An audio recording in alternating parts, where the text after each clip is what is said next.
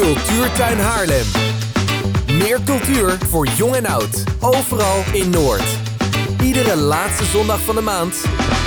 Met muziek, theater, films, boeken en workshops voor jong en oud.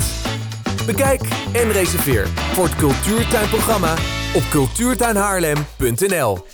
Precies een jaar geleden startte Cultuurtuin Haarlem.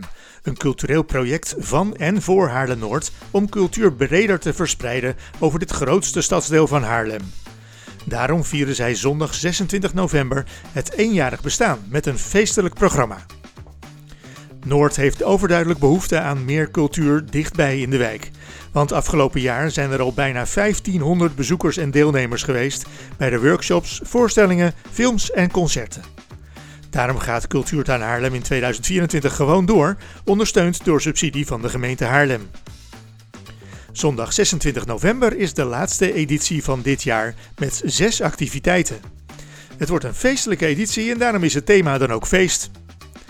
Arthur Chapin komt langs in de Kennemer Boekhandel om te vertellen over zijn nieuwste boek. En acteur en zanger Peter Lusse geeft met zijn zevenkoppige 60s band een gezellig concert vol met bekende jaren 60 krakers in de grote zaal van Verhaalhuis Haarlem. De kinderactiviteiten bestaan dit keer uit een workshop theater met als thema feestvieren en twee workshops Bouwen is een feest in werkplaats Jeroen.